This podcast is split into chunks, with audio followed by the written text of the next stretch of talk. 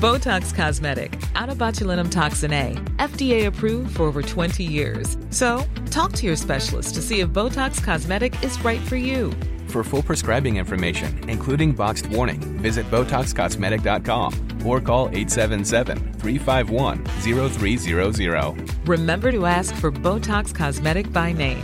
To see for yourself and learn more, visit BotoxCosmetic.com. That's BotoxCosmetic.com.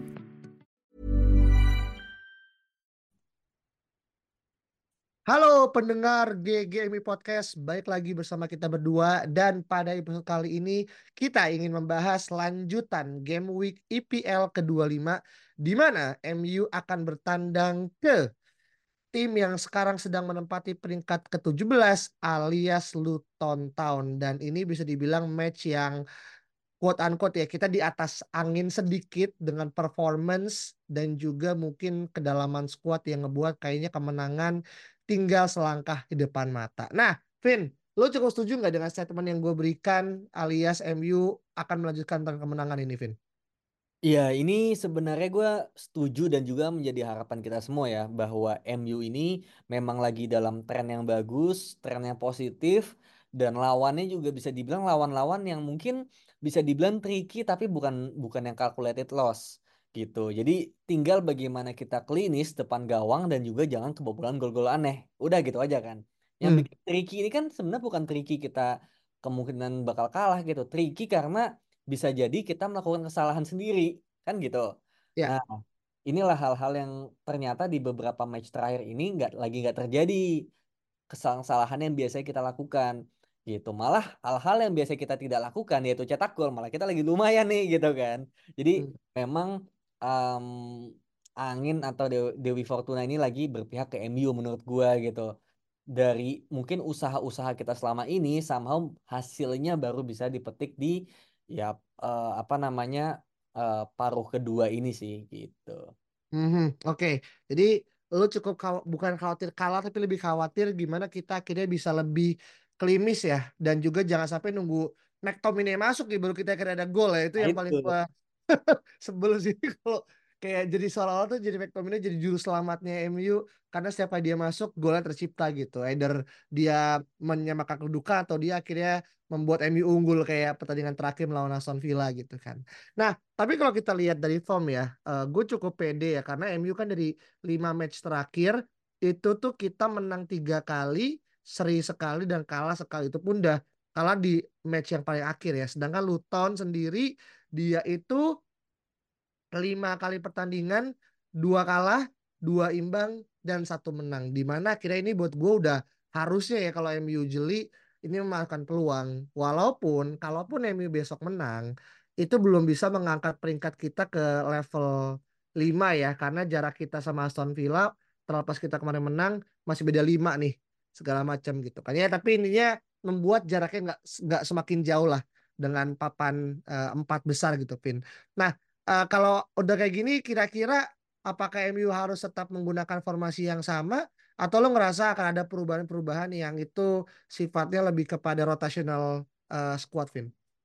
Iya menurut gue keep the winning team sih karena kita juga nggak ada kejuaraan Eropa Piala FA juga masih di akhir bulan kan jadi menurut gue dengan jarak seminggu sekali kita bermain ya keep the winning team gitu loh dan kayaknya juga kalau yang gue baca ya dari pressconnya Ten Hag itu nggak ada pemain baru yang balik gitu. Malah Luke ini katanya doubtful gitu. Jadi mungkin kita juga menjadi hal yang menarik ya untuk dibahas nanti. Kayak siapa yang pantas untuk menggantikan posisi Luke seandainya dia nggak bisa main gitu. Dan kayak Malaysia Mason Mount ternyata masih butuh eh, more weeks katanya ya. More weeks ini kan nggak tahu berapa ya bisa 6, 7, 8 gitu.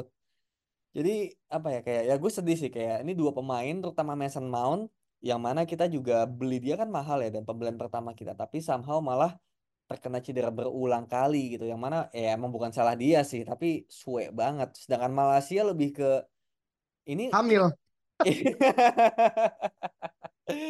kayak kayak si Luke Shaw ini kan sama musim ini dia bagus tapi kalau lagi cedera lama banget gitu loh terlalu sering cedera dan sayangnya Malaysia juga begitu itu ya dan apa ya kayak ketika kita bisa mainin Dalot di sana, Wan Bisaka pun ikutan cedera gitu. Jadi Hmm.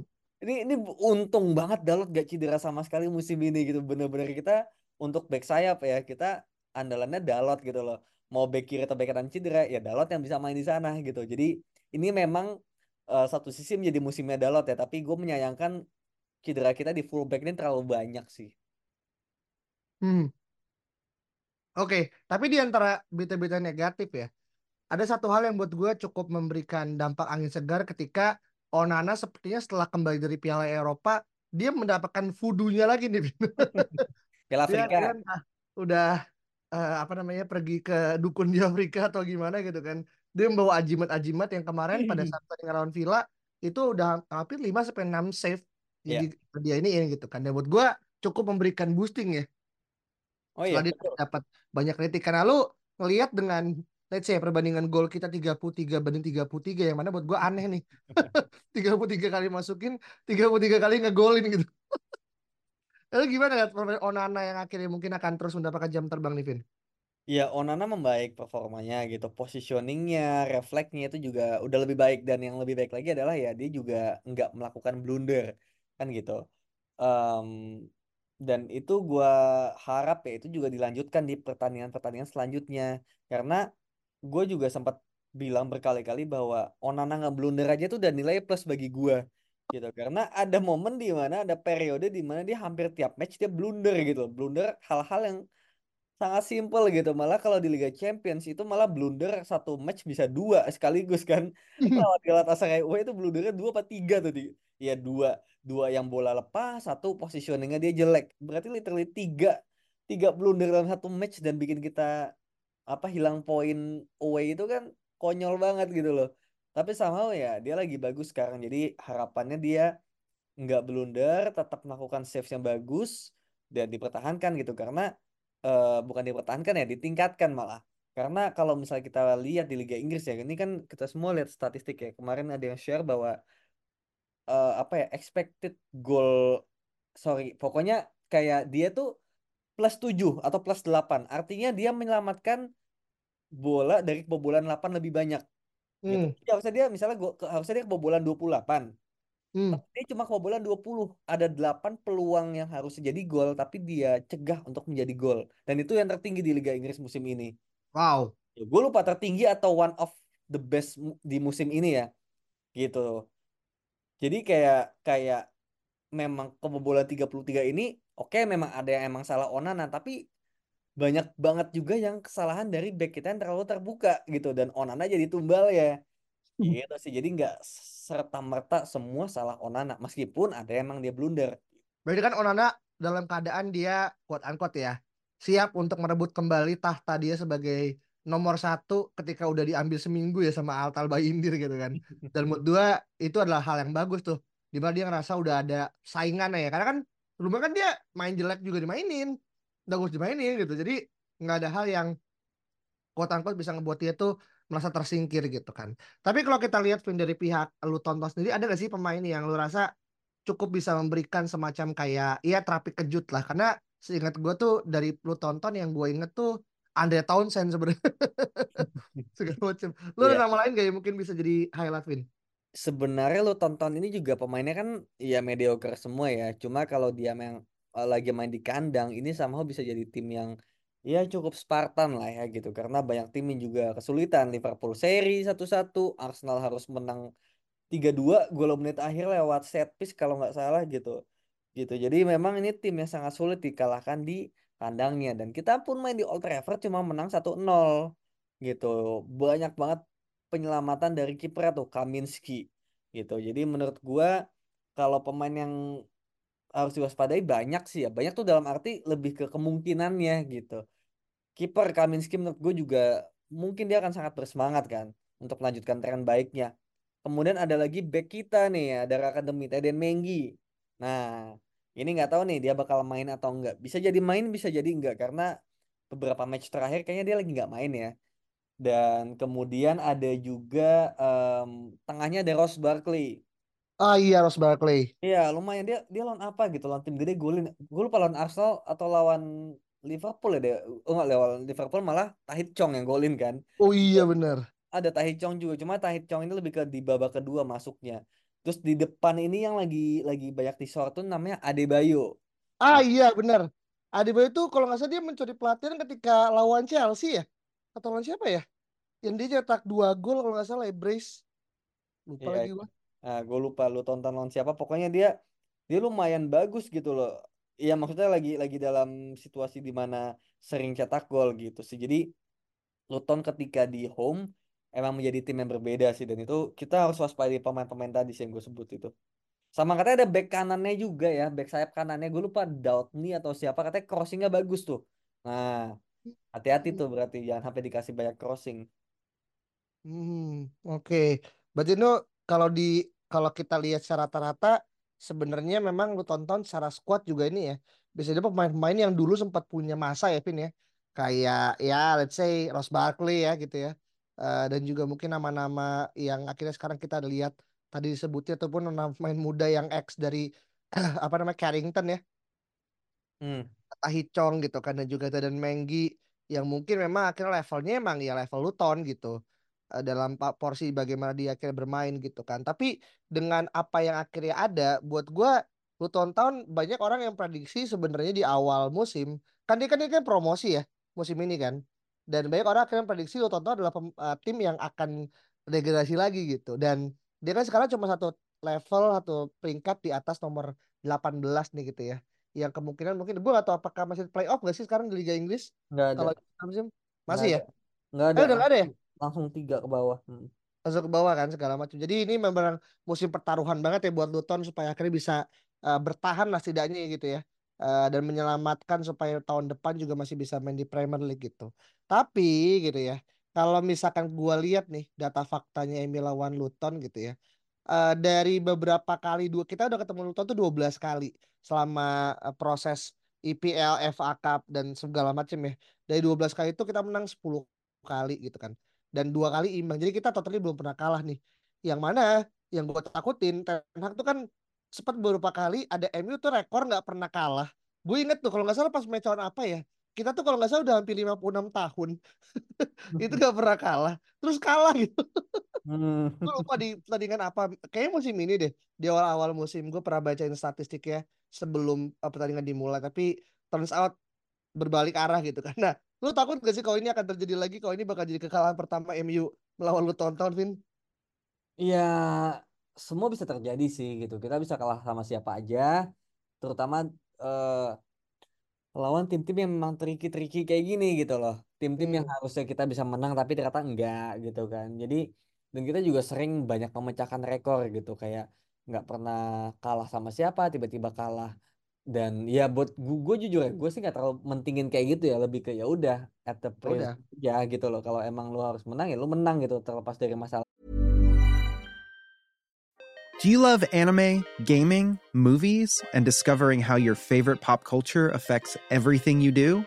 Then join us on Crunchyroll Presents The Anime Effect. I'm Nick Friedman. I'm Lee Alec Murray. And I'm Leah President. Every week, you can listen in while we break down the latest pop culture news and dish on what new releases we can't get enough of. Whether you love movies, I'm going to tell you all about the uh, hopeful 4K re release of Tron Legacy that happens. I'm right there with you. Or music. The music in this show Yeah. is absolutely incredible. Or anime. Yeah, and under this sure. mask is another mask. you can discover your new favorites right here on The Anime Effect. Listen every Friday wherever you get your podcast and watch full video episodes on Crunchyroll or on the Crunchyroll YouTube channel. Hey, I'm Ryan Reynolds. Recently, I asked Mint Mobile's legal team if big wireless companies are allowed to raise prices due to inflation. They said yes. And then when I asked if raising prices technically violates those onerous two year contracts, they said, What the f are you talking about, you insane Hollywood ass?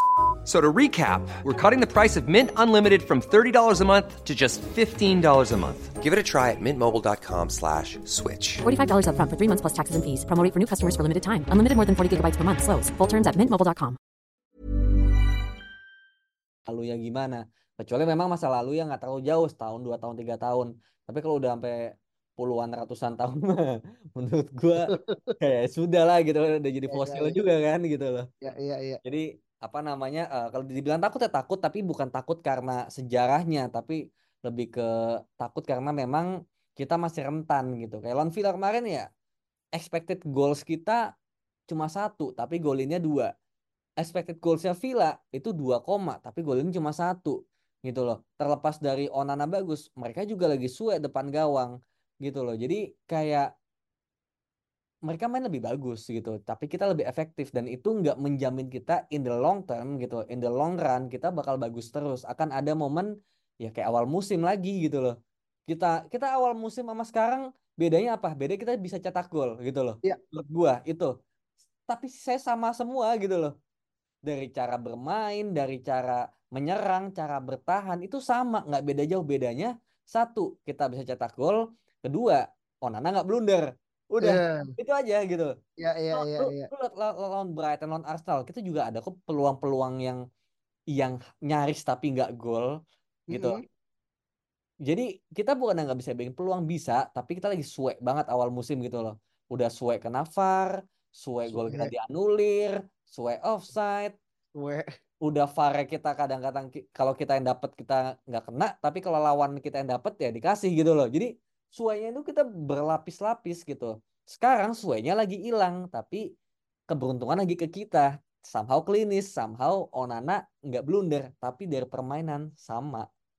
Hmm. dan dan dan ketolong juga sama satu hal lagi sorry.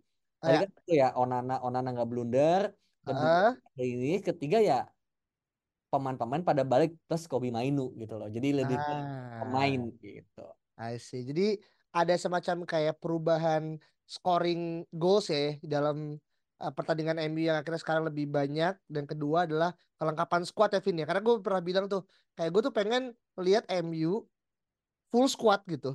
Termasuk di sini adalah ada Mason Mount sebenarnya gitu dalam starting gitu. Tapi ya sampai sekarang belum pernah kejadian kan. ada ada gantian gitu kan. Ntar masa depannya selesai Lisandro-nya cabut gitu. Jadi gue yakin apa akhir musim pasti aja ada pemain-pemain yang mungkin masuk dalam starting eleven gue sama Alvin Saung itu yang nggak bisa main secara sebelas sebelasnya gitu loh. Ini bukan karena pilihan pelatih ya, tapi karena availability-nya yang nggak tersedia gitu loh. Ntar Varane lah, ntar tiba-tiba siapa lah gitu kan. Asal jangan sampai karena Martial juga cedera gitu ya, iya kan? Dan Rasmus Hojlund juga cedera, nah udah tuh habis kita. Atau Dalot cedera gitu kan, udah ya nggak ada lagi gitu. ya akhirnya bisa diandalkan gitu kan.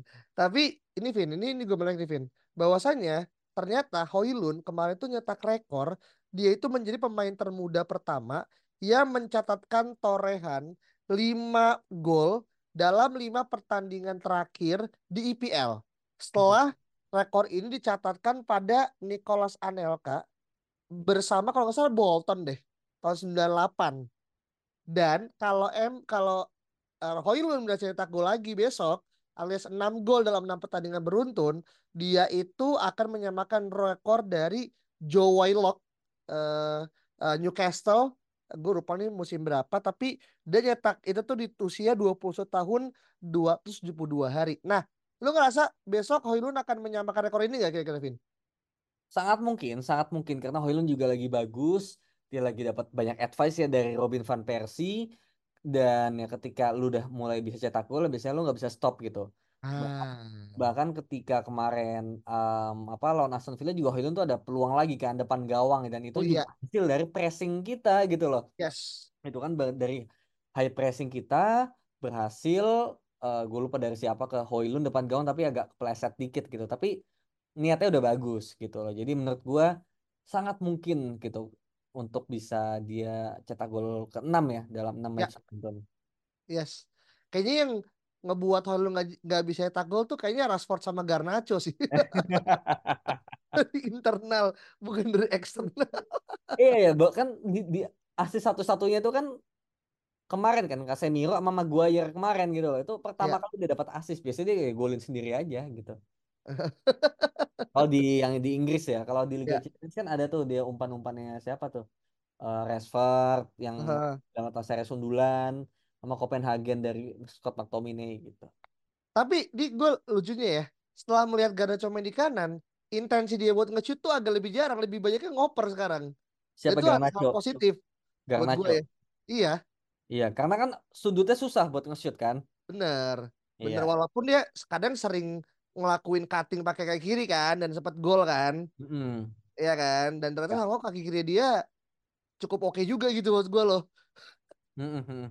Iya kan Bagus ya. walaupun dia eh, ini dari yang gue lihat ya ini nanti kalau salah tolong koreksi yang gue lihat dia tuh kalau misalkan shooting kaki kiri entah karena sengaja atau nggak sengaja tapi dia ingin memantulkan bola ke badan lawan gitu Hmm. entah untuk scrimmage ya atau ya untuk itu aja bolanya jadi berbelok kayak pas lawan siapa sih Aston Villa ya kita kan bener kan yang pas dia nendang terus kena ya gue lupa ya tapi bola jadi berbalik arah lah gitu pokoknya gitu loh yang Hmm. mana beda sama Anthony yang pengennya flashing gitu Iya, Nah, iya. gue nggak tahu nih kayak which one better ya, apakah kan emang Garnacho laki aja gitu ya, Eh, atau emang ya memang sebenarnya nggak usah terlalu main indah gitu ya, lu mau flashing ala yang jauh gitu, yang penting ya udah bola kenceng gitu ya, scrimmage gitu, lu punya pemain sekelas Holland yang bisa menang second ball gitu loh, Vin. Hmm, hmm. Iya. Nah, lu ada tanggapan nggak? Eh, gua merasa lebih ke apa ya Garnacho di kanan ini memang dia beda gitu sama Garnacho di kiri gitu. Kalau di kiri mungkin dia tendensi sama kayak Rashford karena dia langsung shoot. Tapi kalau di kanan memang dia lebih ya mirip yang kayak gue bilang dulu gitu loh. Rashford di kiri sama di kanan tuh beda gitu. Ketika Rashford atau Garnacho ini main di kanan, dia mereka ini harus mengubah cara bermainnya gitu. Dan Rashford kayaknya lebih sulit untuk mengubah daripada Garnacho. Garnacho masih lebih lebih karena lebih muda kali ya dan dia nggak ada pilihan ya udahlah gitu kan. Jadi cara bermainnya ya lu lebih ke main simple, kemudian lebih banyak crossing juga dan kalaupun shoot ya kaki kiri gitu. Tapi kalau apakah ada unsur kesengajaan untuk membuat scrimmage, ya gue sejujurnya nggak tahu ya gitu. Apakah ada niat seperti itu? Tapi ya kalau misalnya bisa tendang langsung ya why not kan gitu kan. Gitu. Jadi kalau misalnya eh, ternyata kena scrimmage ya itulah tugasnya Hoylund sebagai penyerang yang bisa manfaatin bola depan gawang itu tugas dia gitu. Tapi kalau untuk kesengajaan sih kayak enggak lah. Kayaknya kayak Enggak enggak, ya. Kayak gitu. Karena kan susah juga gitu kalau gimana caranya lo nge-shoot biar bikin scrimmage kan. Kenapa lo shoot langsung biar langsung gol aja daripada bikin scrimmage kan gitu. Iya ya, kayak orang sengaja bikin scrimmage, padahal lo ada ada direct eh, approach yang bisa langsung golin gitu kan. Iya, lebih susah malah kalau suruh bikin scrimmage kan. Sama kayak orang lebih susah suruh kena tiang ketimbang nyetak gol gitu ya. Nah, iya karena lebih susah. Ah. Iya iya iya iya iya. Tapi gue tuh kemarin ya pas eh, kan kalau nggak salah Garnacho kan sempat main di kiri pas lawan Aston Villa kan. Dan dia kan sempat ngelakuin solo run ya dari kiri kan. Iya. Eh, dan memang itu hampir aja masuk kalau misalkan dia passingnya emang lebih bagus ya. Cuman gue ngerasa emang satu kekurangan dia adalah mungkin di finishing sih.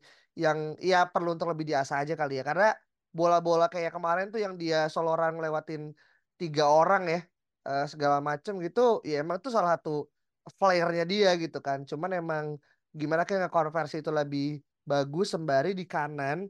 Gue tuh agak gregetan ya kenapa enak belum memberikan kesempatan buat Ahmad Diallo untuk bisa bermain. Padahal kalau bisa kita lihat di training session eh, video kamera tuh dia kalau misalnya ada yang kalau kan kalau teman-teman lihat tuh ada yang sesi one on one tuh ya itu selalu oke gitu jadi kayak kenapa akhirnya dia belum mendapatkan kesempatan aja sih? Itu yang gue ngerasa agak unfair aja ya. Walaupun ada bias karena gue suka sama sama Diallo gitu. Cuman gue pengen aja lihat dia main di sayap kanan setelah dia cedera aja sih gitu sih Vin.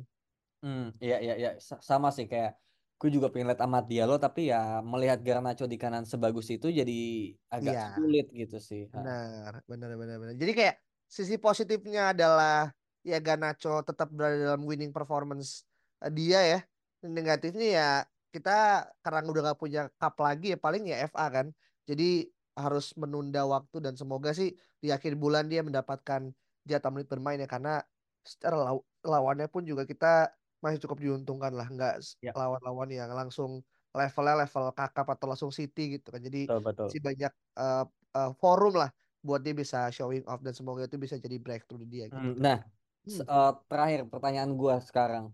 Iya. Luke Shaw kalau misal ternyata cedera nih ya, kalau ternyata nggak bisa main. Nah, ini Ah. siapa yang dimainkan? Apakah Lindelof di kiri atau Lindelof di kanan? Berarti Dalotnya yang ngikut ya Ah. nanti ya. Atau Willy Kam Kambuala nih ya main di bek Ah. kanan. Kemudian Dalot di kiri. Ah, lu gimana? Ini susah sih karena Atau Hari gini, Amas, Hari lagi. Aduh. Amas ternyata di bek kiri. Iya Ah. iya iya iya. Ini gua nggak yakin sih Harry Amas akan make debut ya walaupun orang banyak bilang dia akan the next iya tapi kalau debut kayaknya masih susah uh, terlepas uh, dia sangat uh, promising ya di U18 dan juga U16 gitu kan cuman kalau gue ngelihat sih kayaknya bakal Lindelof walaupun Lindelof tuh agak eh, gimana ya dia tuh harus muter gitu Mas Levin kayak ya lo kayak tau lah kayak Brandon Williams lah iya kan back kiri ya. tapi dia harus muter pakai kanan kayak Spinazzola ya ya. Uh, ya di Roma gitu kan nah, itu yang kemarin tuh pada saat beberapa kali pas lawan Aston Villa dia tuh sempat ngelakuin kesalahan kan? Operan dia kan nggak nyampe tuh ya dari hmm. jarak dekat gitu kan yang ngebuat ya kita kena kok kita kita kena count eh kita kena counter kita kena langsung first attack dari Villa gitu. Ketika kita lagi bangun serangan itu yang gue takutin sih ketika Lindelof main di kiri gitu. Tapi apakah Dalot akan pindah ke kanan? Kayaknya enggak sih karena buat gue dari umpan-umpan dia tuh bisa jadi salah satu kunci buat Hoylund dan juga McTominay sih dan dibuktiin dari yang kemarin kayaknya Ten Hag gak akan me memberikan kayak chance dia buat pindah. Kayak gini lebih baik lu kopong di satu tapi satu lagi lu akan bisa lihat hal yang lebih promising ketimbang lu mengocak uh, mengotok mengocok dadunya lagi gitu loh Vin. Iya, iya, hasilnya iya. jadi kayak random gitu. Buat iya, gue iya. gitu sih. Lu iya, gimana? iya. Gue juga mikir gitu sih kayak kayak emang Lindelof bakal di kiri lagi gitu loh. oh bisa jadi Amrabat yang di kiri gitu kan. Ah, kayak kayak musim awal kan kalau musim iya, kan. Ah, iya. Iya iya iya Cuma iya. memang serangan dari kiri bakal agak kurang nih gitu karena Pasti. kan bukan pemain yang dan Rashford bakal terisolasi gitu karena Rashford kan butuh runner ya dari belakang gitu butuh, yeah. butuh yang overlap gitu makanya gue pengen banget show tapi kalau nggak bisa ya sudahlah gitu ya udah jadinya dia nggak terlalu banyak maju tuh antara Amrabat atau Lindelof gitu. Bener yang kata lu si Dalot udah di kanan aja biar karena dia lagi bagus gitu jadi jangan otak atik gitu kan. Ya benar padahal di awal musim kita sempat ribut ya kayak wah baik ini bakal ketat banget nih karena ada uh, Luxiao ada Tarmasia ada Dalot juga gitu kan. Jadi ya eh tapi sekarang malah satu eh dua di antara tiga lagi cedera. Jadi ya well kita nikmatin aja dan kalau teman-teman punya pendapat berbeda langsung aja tulis di kolom chat dan juga eh kolom kolom reply at GGMI podcast. Mohon maaf kolom chat kita lagi uh, live zoom gitu kan. Dan kita lihat aja besok pertandingan hari Minggu ya tanggal 18 seperti apa. Dan semoga keadaannya dalam kondisi yang baik dan supaya kita bisa merangkak naik ke empat besar. See you around pendengar GGMI yuk bye bye